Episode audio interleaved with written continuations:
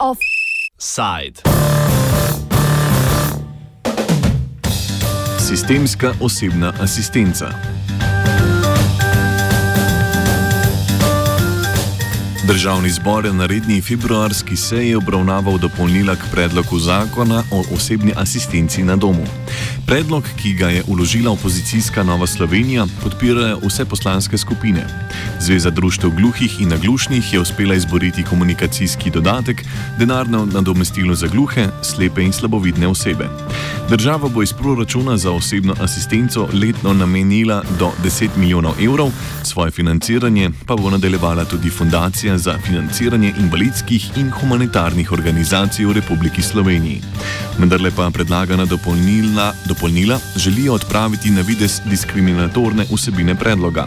Sporni sta predvsem omejitev osebne asistence za invalide, stare med 18 in 65 let, in omejitev osebne asistence na 30 ur tedensko. Slednji omejitvi se bodo izognili zgolj senzorni invalidi.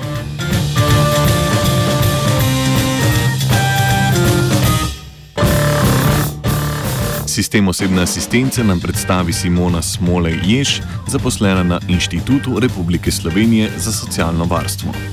Osebno asistenco izvajajo različne invalidske organizacije, to se pravi izvajalci osebne asistence, ki se prijavijo na razpis um, Ministrstva za delo, družino in socialne zadeve, ki trenutno financira v, večjem, na, v največjem obsegu uh, to storitev. Tako da um, to so različne invalidske organizacije, ki potem za svoje člane, večinoma, ali pa tudi za pač širši krok, izvajajo osebno asistenco, glede na potrebe, ki jih imajo ti uporabniki.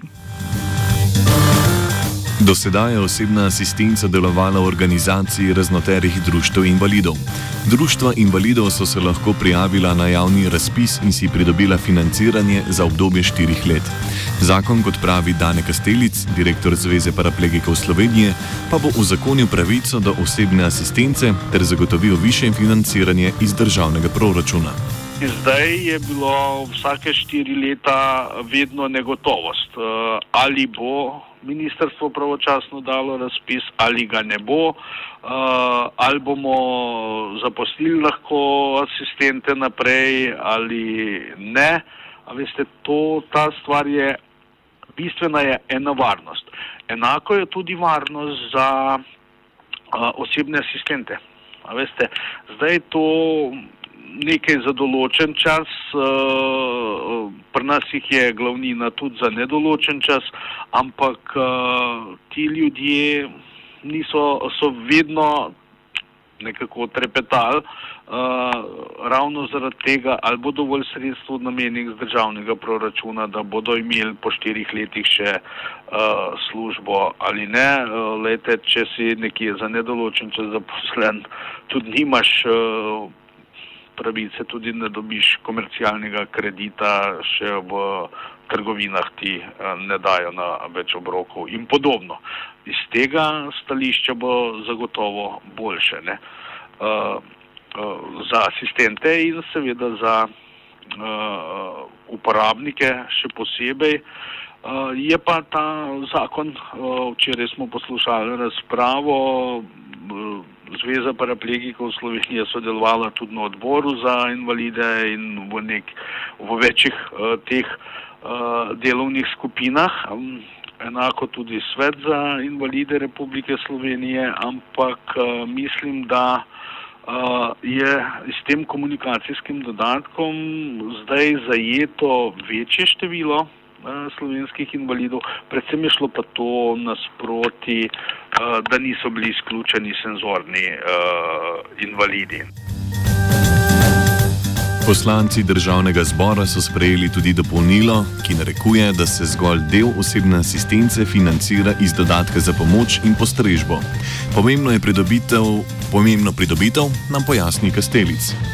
Posebej je bilo včeraj tudi že na odboru 1. februarja uh, razvesljivo, da uh, je tudi uh, koalicijski uh, poslanci, koalicijske stranke so dale pobudo, da se šteje v sofinanciranje osebne asistence, samo polovica dodatka za pomoč in postrežbo.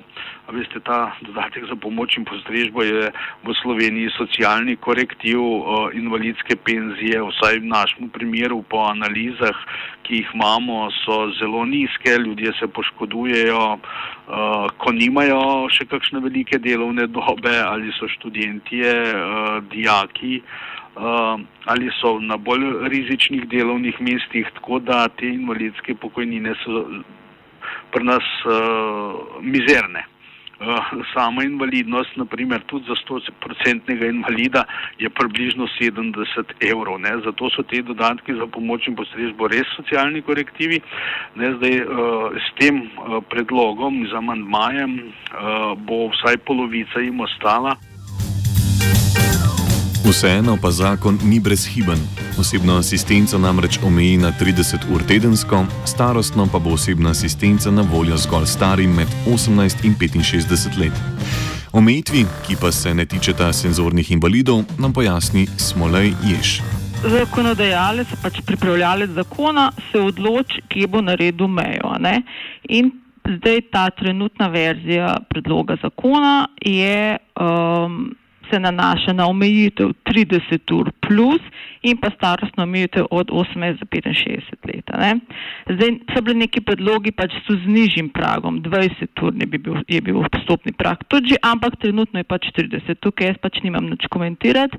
Uh, gre za neko politično odločitev, pač, kje postavimo mejo. To je posod pri vseh zakonih. Uh, in s to mejo pač veliko uporabnikov, ki, ima, ki nima tako intenzivne nima toliko intenzivnih potreb po osebni asistenci, po pomoči, pač odpade. Uh, moramo se zavedati, da v vseh državah, ko, ki jih poznamo, recimo, ki imajo dobre prakse, ki imajo neko um, tradicijo, neko zgodovino v osebni asistenci, da v vseh teh državah večinoma je osebna asistenca namenjena najtežjim invalidom. To se pravi invalidom, ki potrebujejo pomoč pri temeljnih dnevnih upravilih in pri podpornih dnevnih upravilih. Če se pač čez predstavljamo plastično, kaj to pomeni. Uh, oseba, ki rab non-stop nekoga zraven sebe, ki rab pomoč pri čist temeljnih opravilih, ki jih mora pač človek opraviti pri osebni higieni, pri hranjenju, vstajanju in tako naprej. Ne? In osebna asistenca je praviloma zagotovljena za invalide, ki imajo tako intenzivne potrebe in ki so v neki aktivni življenjski fazi, se pravi, ki delajo, ki se šolajo, ki so pač nek aktivne. Ne? Zato je pač tudi slovenski predlagatelj zakona se odločil, da bo osebno asistenco pač omejil starostjo od 18 do 65 let. Lahko se pač odloči tudi drugače, ampak praksa večinoma je, da je osebna asistenca zagotovljena za aktivne invalide in pa tiste, ki imajo res najtežje oblike invalidnosti, ki, so, ki imajo pač res neke velike, visoke potrebe. Dane Kastelic vidi v zgornji omejitvi medicinsko logiko, saj praviloma tisti invalidi, ki so starejši od 65 let, potrebujejo večjo institucionalno skrbo. Direktor Zveze paraplegikov nam pojasni, kako je poskrbljeno za tiste invalide, ki so mlajši od 18 let. Do 18 leta je pa spet ne, eh, so pa eh, otroci, dijaki nekako že vključeni po nekih zakonih o izobraževanju ne, pod okriljem Ministrstva za izobraževanje, šolstvo in šport. Eh, na to čakamo, da bo v okviru tega sprejet tudi uh, zakon o zgodnji obravnavi ne, in bi pokril te ljudi do 18 leta in seveda uh, predviden zakon o dolgotrajni oskrbi, kateri je napovedan, napovedan že za javno obravnavo v letošnjem letu.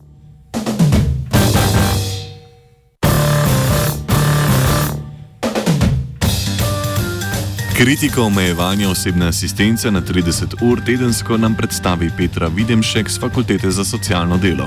Te omejitve seveda ne pomenijo nič dobrega, saj se s tem namreč oža krok upravičencev do osebne asistence in predlog s tem neutemeljeno in lahko rečemo kar diskriminatorno oži krok upravičencev. In moramo vedeti, da so potrebe ljudi različne in s tem tudi nabor oziroma število ur, ki jih potrebuje za samostojno življenje ljudje z različnimi ovirami. Um, osnovni namen osebne asistence in če hočemo tudi z tega zakona, je pa ravno to, da ljudje prejmejo podporo za uresničitev njihovih ciljev in vključenost v vsakdanjo družbo.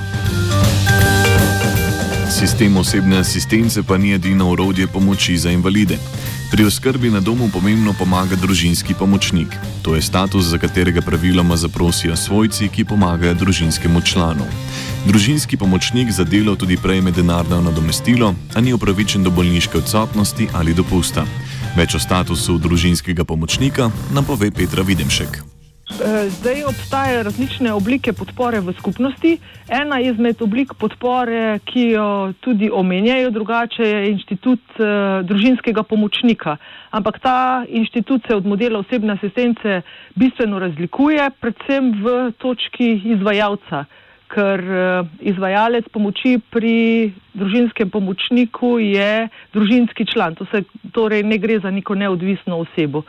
In uh, lahko, ma, lahko iščejo tudi podporo v obliki nevladnih organizacij, ki jim lahko nudijo tudi namestitve, ampak vsekakor eh, zakon o osebni asistenci omogoča ljudem, da izbirajo obliko eh, življenja in podpore na način, kot ga izberejo sami. Starejši od 65 let, ki ne bodo deležni osebne asistence, pa bodo na različne oblike pomoči, tako institucionalne kot tudi neinstitucionalne, računali zakonom o dolgotrajni oskrbi. Predstavi ga Kastelic. Tiste pa eh, ne bi bil potem pokrival, ker to je glavni, uh, ena četrtina slovenske populacije žene, pa zakon o dolgotrajni oskrbi, ki je pa, uh, mislim, da je kar bolj že v zaključni fazi.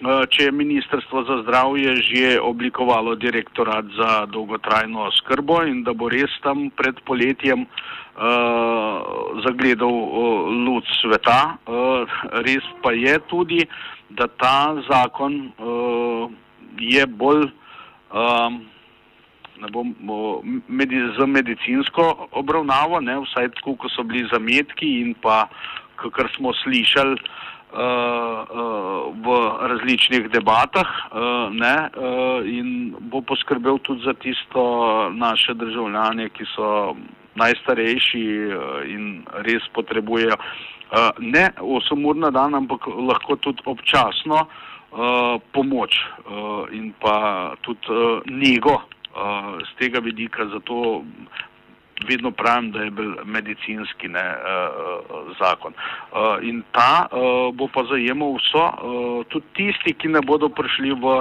sistem osebne, zakona osebne asistence, bodo lahko uh, potem koristili uh, gibalno ovirani tudi uh, ta uh, zakon o dolgotrajni oskrbine.